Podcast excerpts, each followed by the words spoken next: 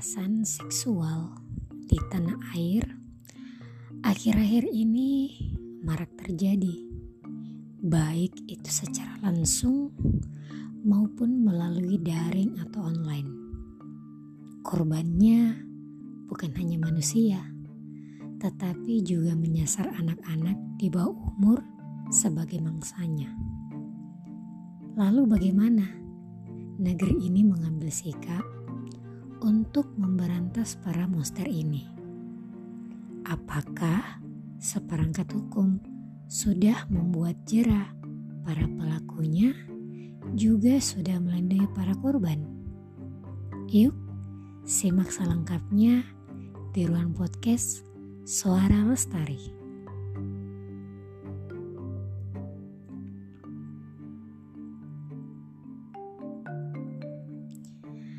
Assalamualaikum warahmatullahi wabarakatuh. Hai, kamu sedang mendengarkan podcast Suara Lestari. Bagaimana kabar kalian? Semoga selalu dalam keadaan sehat ya. Tetap jaga kesehatan, jaga dan lakukan protokol kesehatan. Jangan abai karena kita masih berada dalam masa pandemi yang kabarnya COVID varian Omicron juga sudah ada beberapa yang ter terdeteksi di tanah air.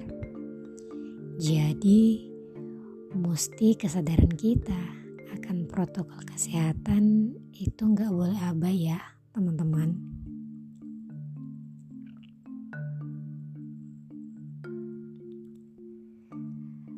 Terima kasih sudah mau stay di ruang podcast Suara Lestari untuk mendengarkan saya sedikit sharing dengan kalian mengenai peristiwa atau isu yang lagi happening. Nah, untuk podcast Suara Lestari episode 4 ini saya ingin sharing tentang tindak kekerasan seksual yang dua tahun terakhir ini marak terjadi. Tidak hanya pada wanita dewasa, tetapi para pelaku kekerasan seksual ini pun menyasar anak-anak di bawah umur sebagai bangsanya. Menurut World Health Organization atau WHO, dikutip dari scholar.unad.ed kekerasan seksual merupakan semua tindakan dilakukan dengan tujuan untuk memperoleh tindakan seksual atau tindakan lain yang diarahkan pada seksualitas seseorang dengan menggunakan paksaan tanpa memandang status hubungannya dengan korban.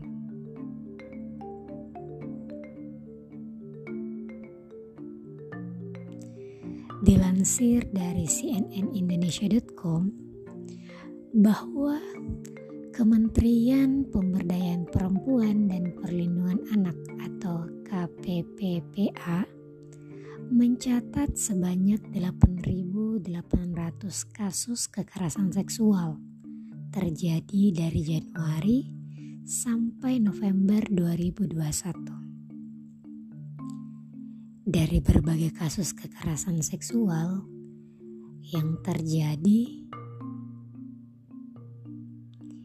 yang menyita perhatian adalah kasus pelecehan dan kekerasan seksual yang terjadi di dunia pendidikan atau lingkungan kampus.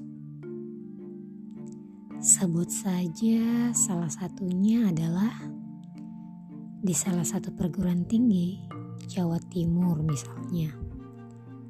Seorang mahasiswa yang berinisial N buka suara bahwa ia telah dilecehkan oleh dosennya pelecehan yang diterima berupa verbal sampai fisik. Kemudian, dugaan pelecehan seksual juga terjadi di Universitas Riau, Unsri. Empat mahasiswa dilecehkan oleh dosennya, Aditya Rol Asmi. Pelaku terbukti bersalah dan ditetapkan sebagai tersangka oleh kepolisian. Pelecehan seksual itu dilakukan di Laboratorium Sejarah FKIP Unsri. Penyidik menyita beberapa barang bukti berupa baju dan pakaian dalam korban. Atas tindakannya, Aditya dijerat pasal 289 KUHP atau pasal 29 ayat 1 hukuman maksimal 9 tahun penjara.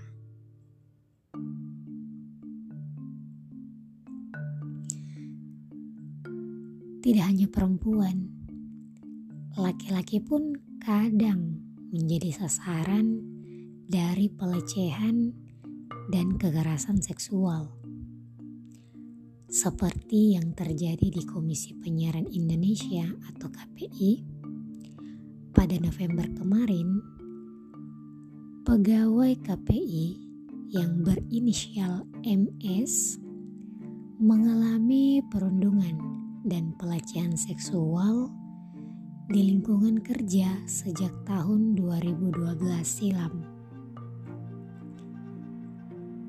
Ia mengaku Sering disuruh membeli makan, tasnya kerap dilempar dari luar ruangan, dilempar ke kolam, dan sampai suatu hari buah zakarnya dicoret-coret menggunakan spidol. MS sempat mengadu ke kepolisian pada tahun 2019 sebanyak dua kali namun tak berbuah hasil. Ia disarankan untuk melaporkan ke atasannya di KPI. Namun, tak ada tindakan yang tegas. Akhirnya, ia membuat suatu pengakuan di media sosial pada September 2021 dan pada Desember 2021 dan menjadi viral.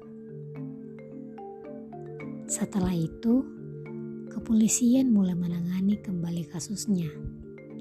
Sampai saat ini, kasus tersebut masih dalam tahap penyelidikan.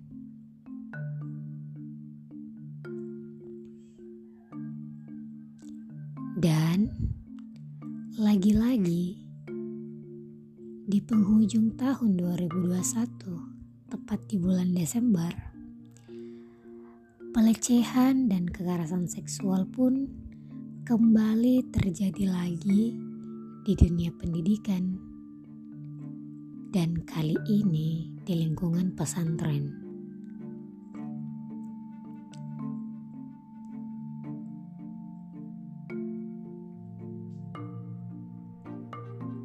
Komnas Perlindungan Anak mencatat sebanyak 207 anak menjadi korban pelecehan dan kekerasan seksual di satuan pendidikan sepanjang tahun 2021. Dilansir dari kompas.com, dari jumlah tersebut, mayoritas kasus terjadi di sekolah berasrama dengan sebagian besar pelakunya adalah guru atau tenaga pendidik.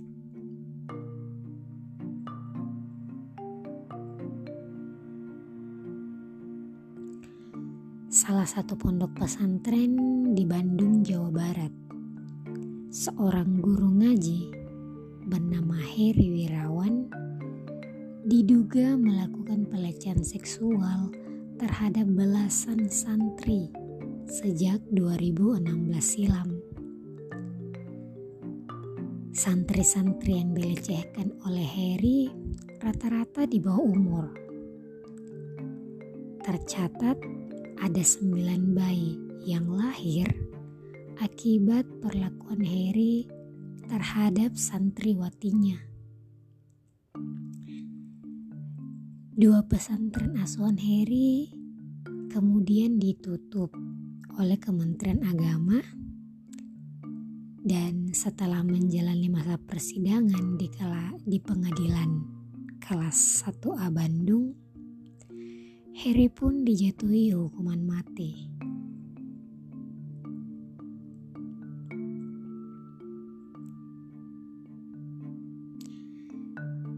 Itulah sebagian dari banyaknya rentetan kasus pelecehan dan kekerasan seksual yang terjadi di tanah air, baik itu yang ditujukan kepada perempuan dan laki-laki dewasa maupun anak-anak usia di bawah umur.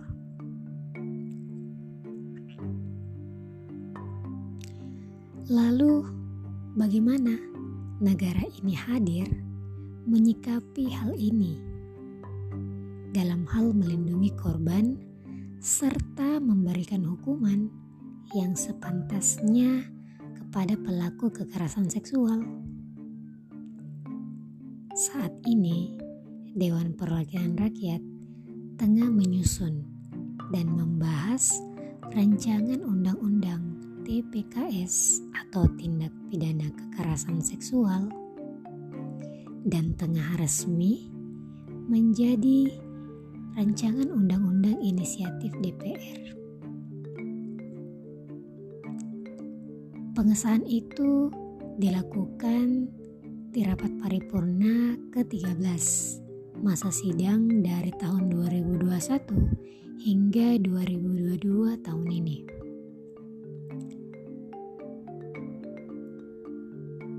Dilansir dari detiknews.com, dari beberapa fraksi yang mengemuk, mengemukakan pandangannya dan menyepakati hanya fraksi PKS yang menolak. Alasan penolakan karena PKS menganggap isi dari rancangan undang-undang TPKS tersebut belum komprehensif, memuat hal-hal yang seharusnya dan sangat urgent untuk dimasukkan ke dalam rancangan undang-undang TPKS tersebut. Seperti persinaan dan penyimpangan seksual yang menurut PKS itu adalah hal yang esensi dan penting bagi pencegahan dan perlindungan dari kekerasan seksual. Namun, rancangan undang-undang tindak pidana kekerasan seksual ini belum final. Masih akan terus dibahas. Salah satunya anggota parlemen akan melakukan FGD atau fokus group discussion untuk menyerap aspirasi masyarakat dalam rancangan undang-undang TPKS ini yang akan segera disahkan.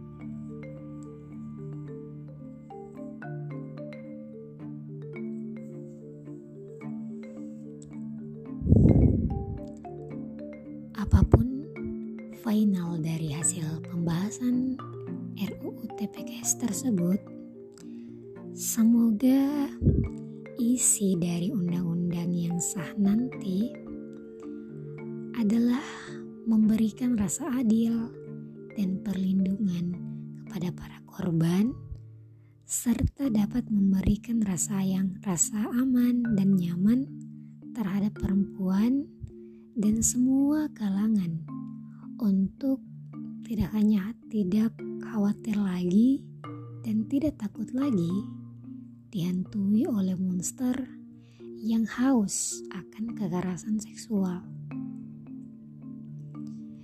Dan semoga undang-undang TPKS itu nanti bisa membuat jarak kepada para pelaku pelecehan dan kekerasan seksual hingga kasus-kasus tersebut sedikit demi sedikit berkurang dari negeri ini.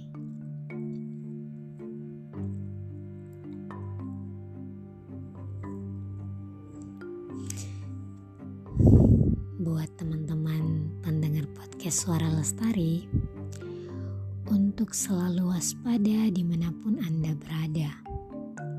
Kenali sedini mungkin bentuk dan jenis kekerasan seksual. Dan jika nanti mengalami atau melihat kejadian seperti ini, jangan takut untuk melaporkan pelakunya kepada pihak yang berwajib atau lembaga perlindungan Jangan menjudge dan membenci korbannya. Akan tetapi, dampingi dan bersama-sama untuk melawan dan memerangi pelaku tindakan tersebut.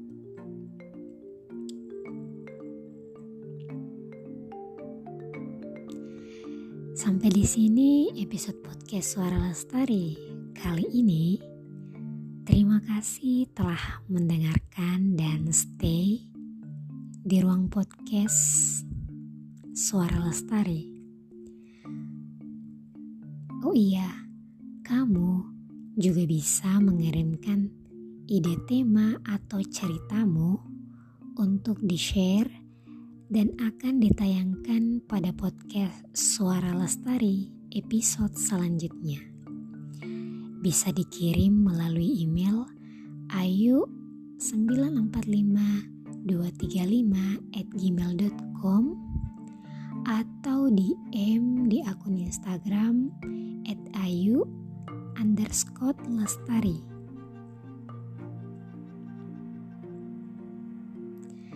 Sampai jumpa di podcast Suara Lestari minggu depan. Tetap jaga kesehatan Wassalamualaikum warahmatullahi wabarakatuh. See you.